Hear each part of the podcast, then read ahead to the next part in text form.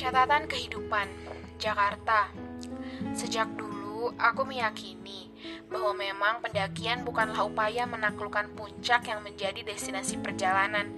Kita pergi mendaki dengan kekuatan diri sendiri untuk mengalahkan diri sendiri, menaklukkan tantangan untuk membangun ketangguhan diri. Campur tangan Tuhan tidak ada. Aku mulai pergi mendaki sejak tak sengaja nongkrong bersama beberapa pemuda di depan markas Mapala tempat aku kuliah di Jakarta, sebuah kampus swasta yang namanya cukup tenar, 8 tahun yang lalu.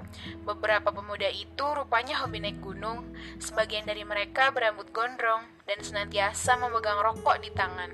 Obrol punya obrol, mereka mengajakku ikut mendaki.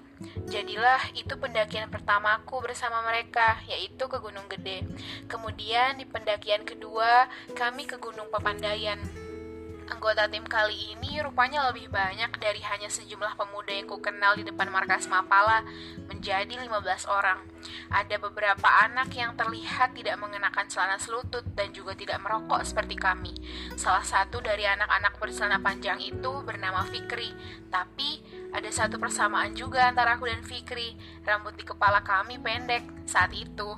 Di tahun berikutnya, bersama separuh anggota dari tim yang sama, ditambah anggota-anggota terbaru dari luar yang entah diajak oleh siapa, kami mendaki Gunung Guntur. Dilanjutkan dengan mendaki Gunung Pangrango tiga bulan setelahnya. Setelah turun dari Gunung Pangrango, barulah aku bergabung di Mapala Kampus. Pendakian kelima aku adalah Gunung Cikuray di Garut.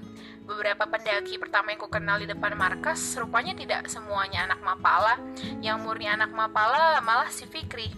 Pada pendakian kami selanjutnya ke Gunung Slamet di Purwokerto dan Gunung Cermai di Kuningan tahun selanjutnya.